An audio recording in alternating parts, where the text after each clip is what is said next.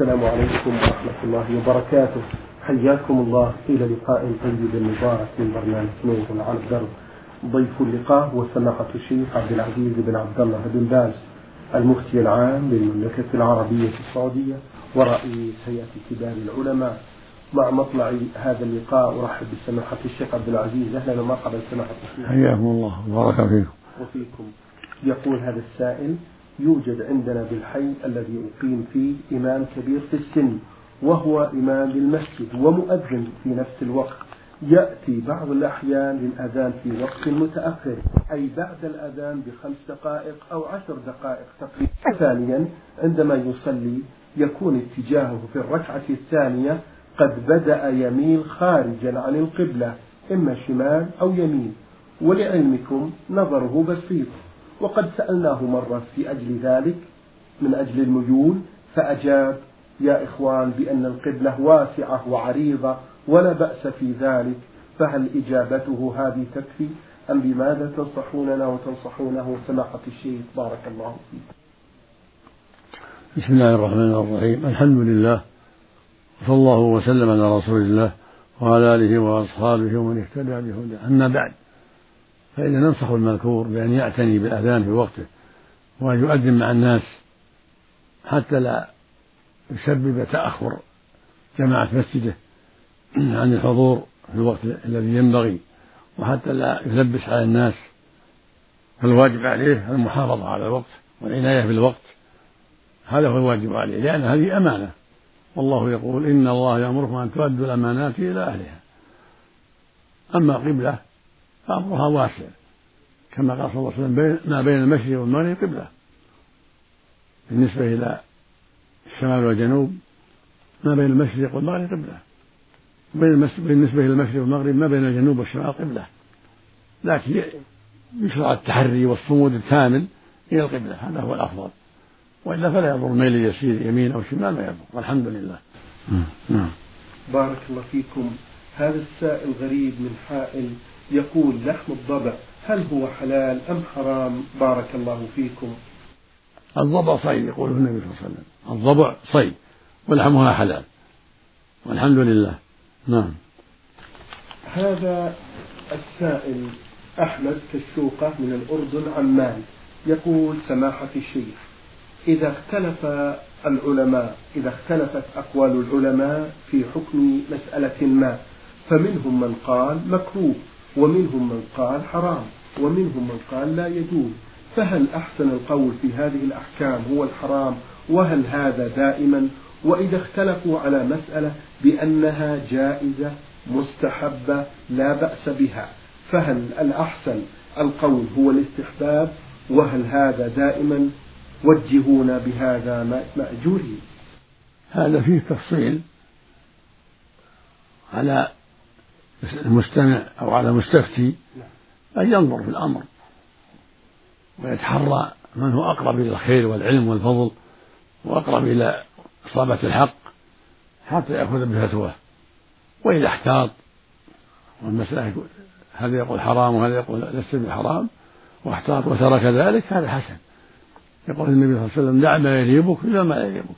من اتقى الشبهات فقد استبرأ لدينه وعرضه ولكن إذا تيسر له أن يتحرى حتى يعرف من هو أكثر علما ومن هو أكثر ورعا من هو أقرب إلى الصواب حتى يأخذ بقوله حتى يطمئن قلبه. مثل ما قال صلى الله عليه وسلم استفتي قلبك.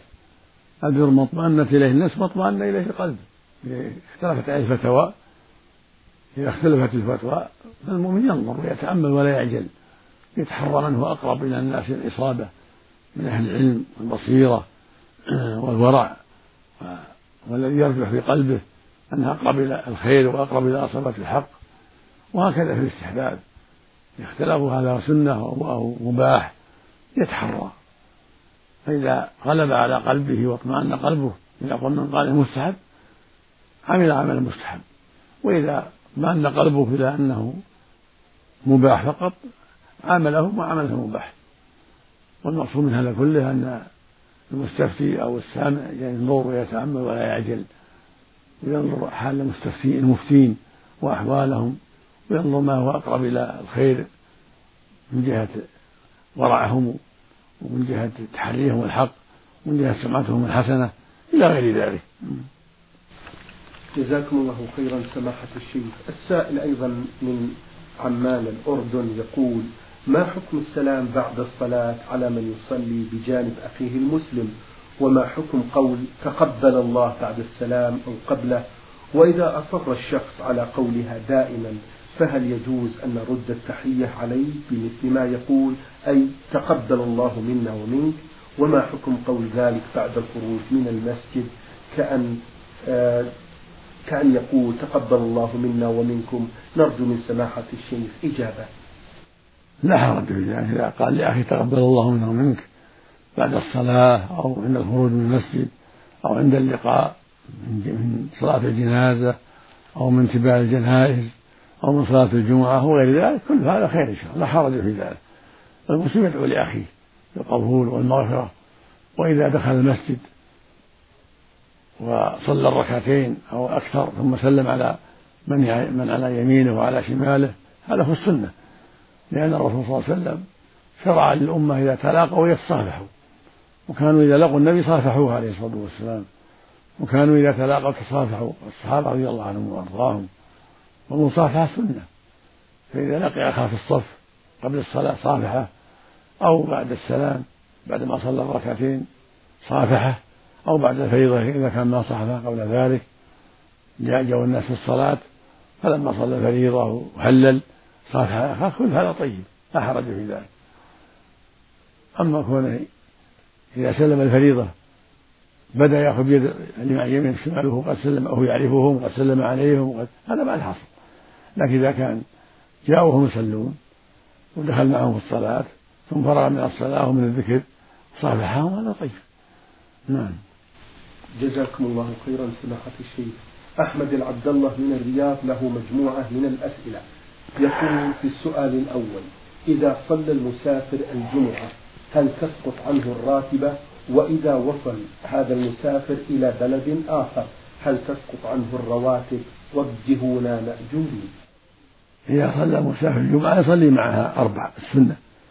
يصلي السنة الجمعة أربع ركعات تسليمتين.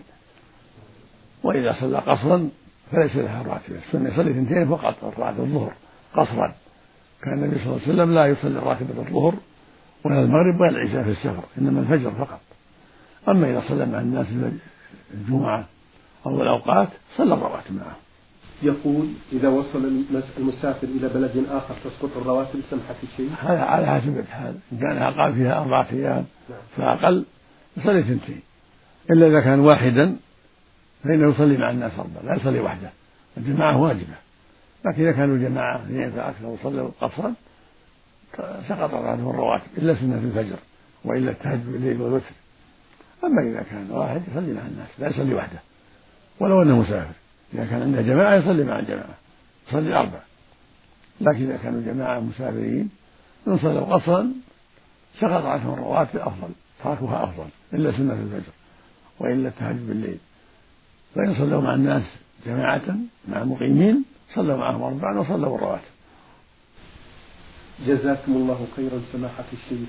له سؤال ثاني يقول ما الحكمة من أن لحم الجزور ينقض الوضوء؟ الله أعلم. أمرنا الرسول صلى الله عليه وسلم توضأ علينا أن نتوضأ الرسول أمر أن نتوضأ من لحوم الإبل علينا أن نتوضأ.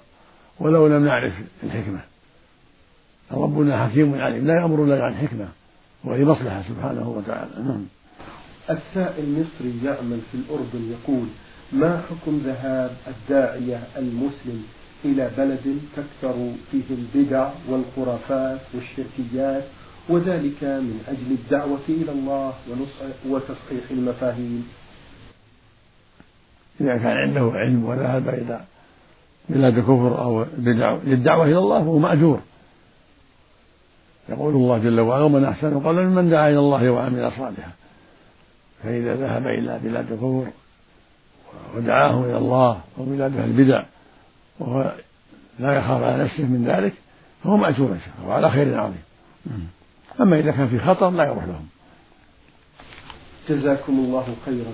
هذا السائل عبد الله من تبوك يقول بأنه طلق بالثلاث. يقول طلقت بالثلاث لأنني لا أفعل شيء معين مثل الامتناع عن التدخين. ثم بعد ذلك عدت إلى شرب الدخان وكنت في ذلك الوقت أرغب في الامتناع عنه وليس بقصدي طلاق زوجتي فهي لا زالت معي في البيت. أفيدوني جزاكم الله خيرا بذلك مأجوري. إذا طلق الرجل أن لا يشرب الخمر أو لا يشرب الدخان أو لا يكلف فلان وقصده الامتناع ما قصد إفراق أهله ليس قصده فراق أهله. إنما قصده أن يمتنع من التدخين أو شرب المسكر أو كلام فلان أو زيارة فلان هذا ليس عليه إلا كفارة يمين. لا يقع الطلاق عليه يكفر كفارة يمين والحمد لله. هذا هو الصحيح من أقوال العلماء. نعم. السائل أحمد ألف ألف يقول سمعنا سماحة الشيخ بأن الزواج من الأقارب فيه محذور وأنا أريد أن أزوج إحدى أحد أبنائي. فهل ورد أحاديث بذلك؟ جزاكم الله خيرا. يعني يقول سمعنا بأن في الزواج من الأقارب فيه محذور وأنا أريد أن أزوج أحد أبنائي من الأقارب فهل ورد أحاديث بذلك؟ لا ليس فيه محذور. قال غلط. ليس في الزواج من الأقارب محذور بل طيب. النبي صلى الله عليه وسلم تزوج من أقاربه أم سلامة من أقاربه عائشة من أقاربه أم حبيبة من أقاربه كلهم كلهم من قريش. كلهم من جماعته عليه الصلاة والسلام. لا حرج في ذلك. وفاطمة وعلي تزوج فاطمة بنت النبي صلى الله عليه وسلم بنت عمه عليه الصلاة والسلام. وعثمان تزوج بنت النبي صلى الله عليه وسلم. تزوج بنتيه رقية وزينب. رقية وأم كلثوم. وأبو العاص بن الربيع تزوج بنت النبي الرابعة عليه الصلاة والسلام زينب. كلهم بنو عم. لا لا حرج في هذا.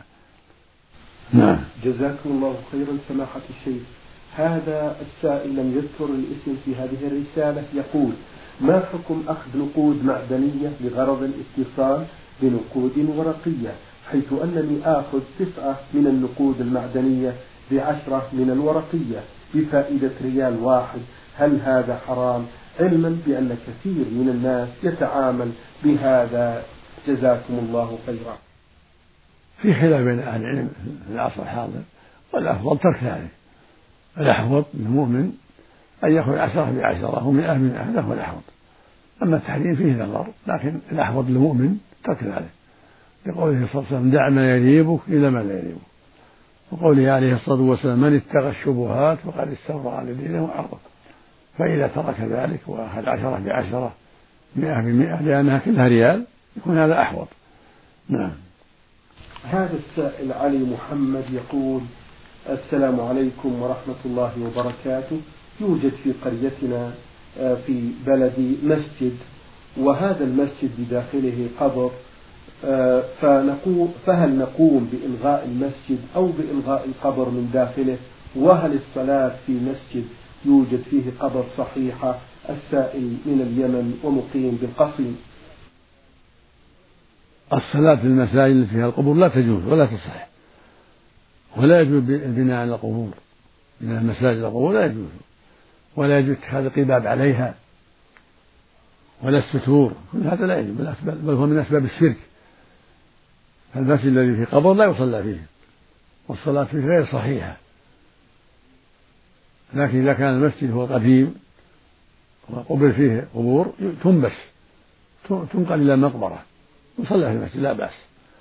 أما إذا كان القبور هي القديمة وهو اللي بني عليها يهدم. ولا يجب بقاءه بل يهدم. وبكل حال فالمسلم لا يصلي في المساجد التي فيها القبور بل صلاته غير صحيحة. لأن بناء المساجد القبور والصلاة عند القبور وسيلة الشرك ولهذا قال صلى الله عليه وسلم لعن الله اليهود والنصارى اتخذوا قبور أنبيائهم مساجد. وقال صلى الله عليه وسلم لا تصلوا إلى القبور ولا تجلسوا عليها. وقال ألا وإن, ألا وإن من كان قبلكم كانوا يتخذون قبور أنبيائهم وصالحيهم مساجد. ألا فلا تتخذوا مساجد فإني أنهاكم عن ذلك. فالمقصود صلى الله عليه وسلم أنه نهى عن اتخاذ مثل القبور وعن الصلاة عند القبور وعن الجلوس عليها. فلا يجوز أن يطأ عليها ولا يجلس عليها. ولا يصلي إليها ولا يبني عليها قوم بناء ولا مسجد ولا قبة ولا تجصص نهى الرسول عن تجسيص وعن القعود عليها وعن البناء عليها عليه الصلاة والسلام. كل هذا من عمل أهل الشرك. نعم. جزاكم الله خيرا سماحة الشيخ. له سؤال ثاني. الأخ يقول بأنه يعمل بمهنة طباخ يقول وعندما أكون صائم فلا بد من تذوق الطعام بلساني وبعد ذلك أتمضمض بالماء فهل صيامي صحيح لرمضان الماضي. جزاكم الله خيرا. نعم صحيح. ذوق الطعام لا يضر. كونه يذوق الطعام ماله ولا طيب لا بأس به. يذوق يلفظه لا يبلعه لا بأس بذلك. والحمد لله. نعم. السائلة من مدينة الزلفي المستمعة خاء محمد تقول أسأل آه، سماحة الشيخ عن حكم لبس القفاز لليدين في الصلاة في المسجد أثناء شهر رمضان المبارك. جزاكم الله خيرا. نعم هذا هو الأفضل أن تستر كفيها في البيت وفي المسجد هذا هو الأفضل. ولو صلت مكشوفة كفين ولكن لا يراها الرجال صح. والسنة كشف الوجه إذا كان ما يراها الرجال كشف الوجه. أما إذا كان يراها الرجال تستر وجهها وكفها جميعا.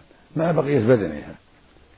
أما إذا كان في البيت فإنها تستر بقية البدن ما عدا الوجه فالسنة كشف الوجه إذا كان عند النساء أو ما عندها أحد.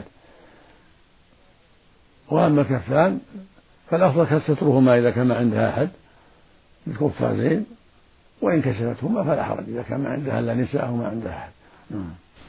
هذه السائلة تقول بالنسبة سماحة الشيخ للبس النقاب حيث أنني سمعت بأن بعض الناس يقولون بأنه غير جائز. فما قول سماحتكم في ذلك مأجورين أعد تقول هذه السائلة ما حكم لبس النقاب حيث أنني سمعت أن بعض الناس يقولون بأنه غير جائز؟ فما قولكم حفظكم الله في ذلك مأجورين لبس النقاب لا بأس به. للمرأة إذا كان النقب بقدر العين واحدة أو بقدر العينين. والباقي مستور. إلا إذا كانت محرمة بحج أو عمرة فلا تلبس حتى تحل. الرسول نهى المحرمة أن تنتقب أما إذا كانت حلال محرمة فلا بأس أن تنتقب لكن لا يظهر إلى العين فقط أو العينان وإن سترت بالخمار أو نحو كان أحمل وأبعد عن الفتنة.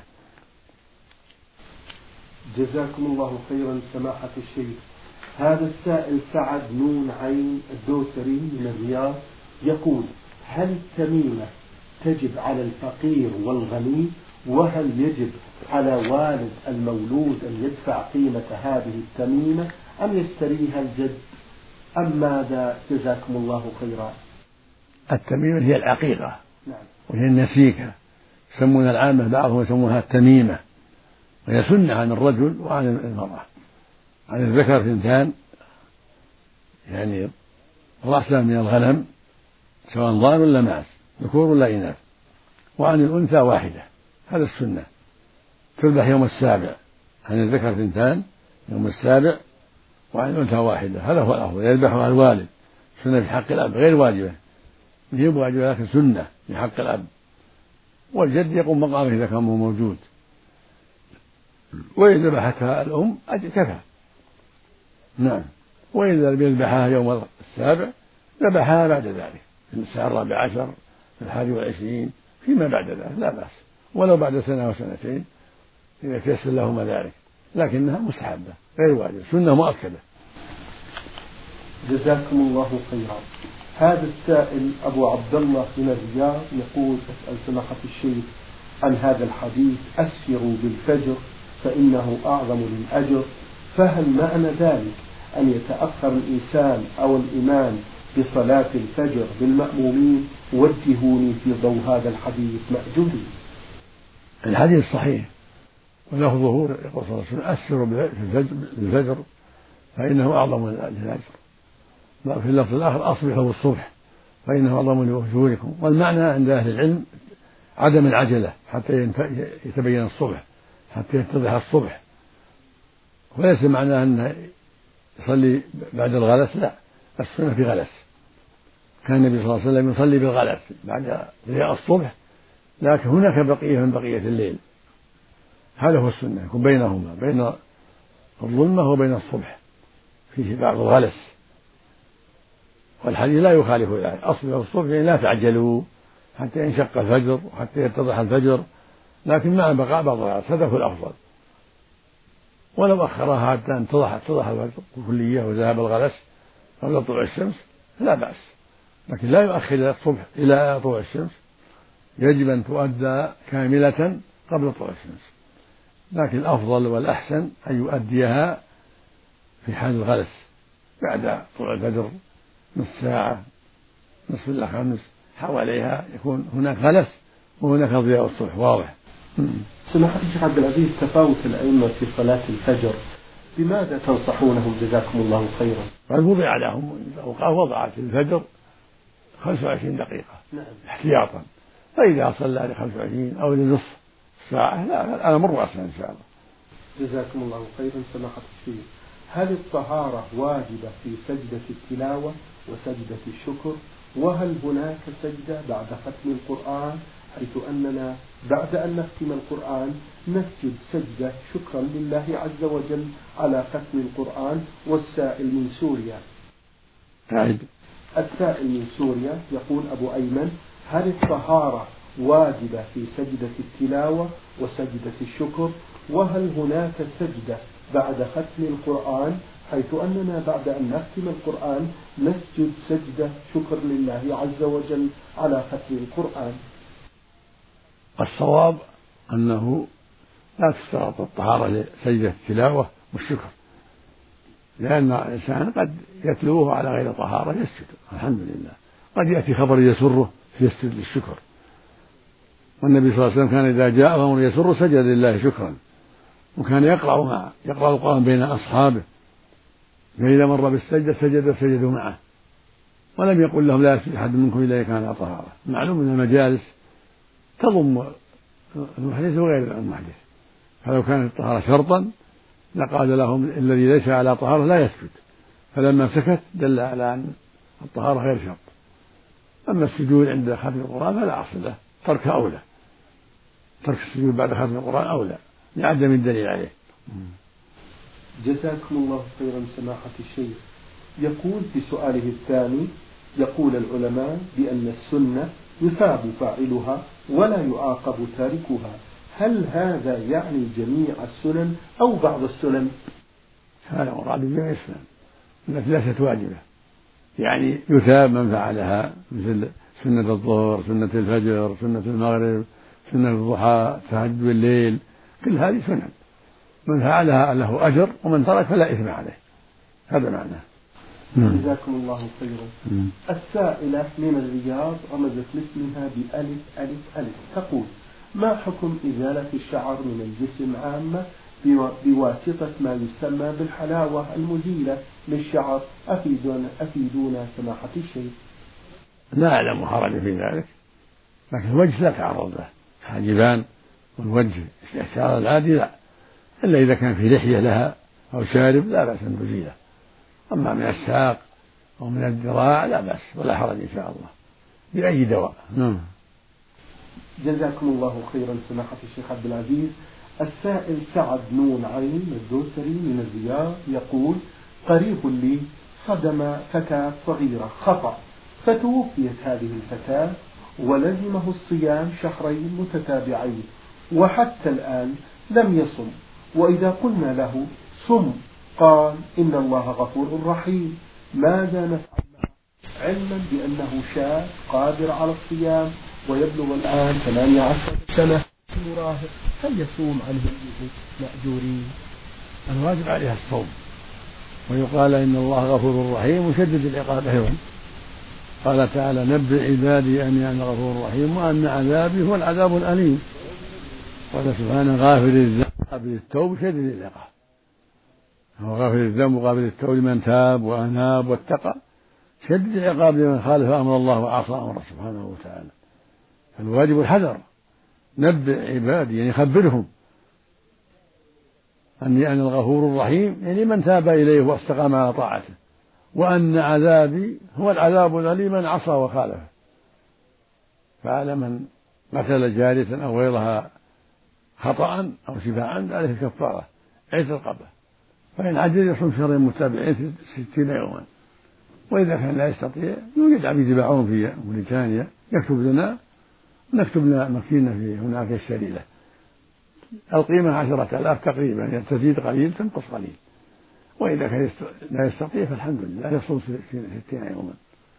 وإذا كان عاجز مريض حتى يشفيه الله يصوم. وأبو ثمانية عشر بالغ. لا يجوز له التساهل في هذا. يجب أن ينصح. بارك الله فيكم سماحة الشيخ.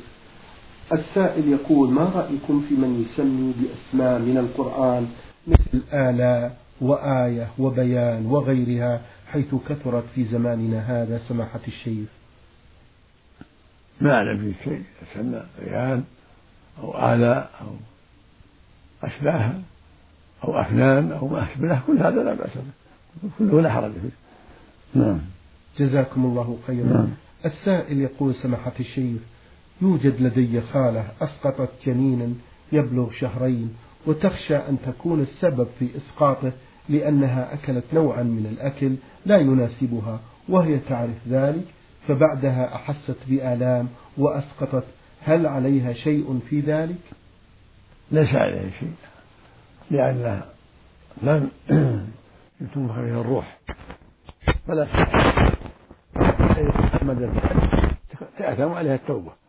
أما إذا كان من غير اختيارها فلا شيء عليها. لكن لو كان قد نفخت فيه الروح بعد الشهر الخامس وما بعده إذا فعلته خطأ عليها الكفارة وعليها الدية أو الروح عبدا أو أنا أما إذا كان قبل الأربعة الشهر الثاني والثالث هذا ما في شيء. يعفى عنها إذا كانت ما تعمدت. نعم. جزاكم الله خيرا سماحة الشيخ. هذا السائل إبراهيم عبد الله مصري ومقيم في الرياض يقول من صحة هذا الحديث من صلى الفجر في جماعة وبقي في مصلاه حتى تطلع الشمس ثم صلى ركعتين كان له أجر حجة حجة وعمرة تامة تامة. ما صحة ذلك؟ هذا جاء جاء من طرق كثيرة لا بأس به من باب الحسن من باب الحديث الحسن. وفيه أجر عظيم. جالس يذكر الله ويهلل ويقرأ حتى تطلع الشمس ثم صلى ركعتين له؟ هذا الأجر العظيم. كان النبي صلى الله عليه وسلم يجلس بعد الصلاة حتى تطلع الشمس في الغالب عليه الصلاة والسلام. طلوعا حسنا. نعم. شكر الله لكم من سماحة الشيخ وبارك الله فيكم وفي علمكم ونفع بكم المسلمين. والمسلمين أيها الإخوة الأحباب أيها الإخوة المستمعون الكرام أجاب على أسئلتكم الشيخ عبد العزيز بن عبد الله بن باز المفتي العام للمملكة العربية السعودية ورئيس في كبار العلماء. شكر الله لسماحته على ما بين لنا في هذا اللقاء الطيب المبارك. شكرا لكم أنتم على حسن المتابعة. في الختام تقبلوا تحيات زميلي مهندس الصوت فهد العثمان. إلى الملتقى إن شاء الله. والسلام عليكم ورحمة الله وبركاته.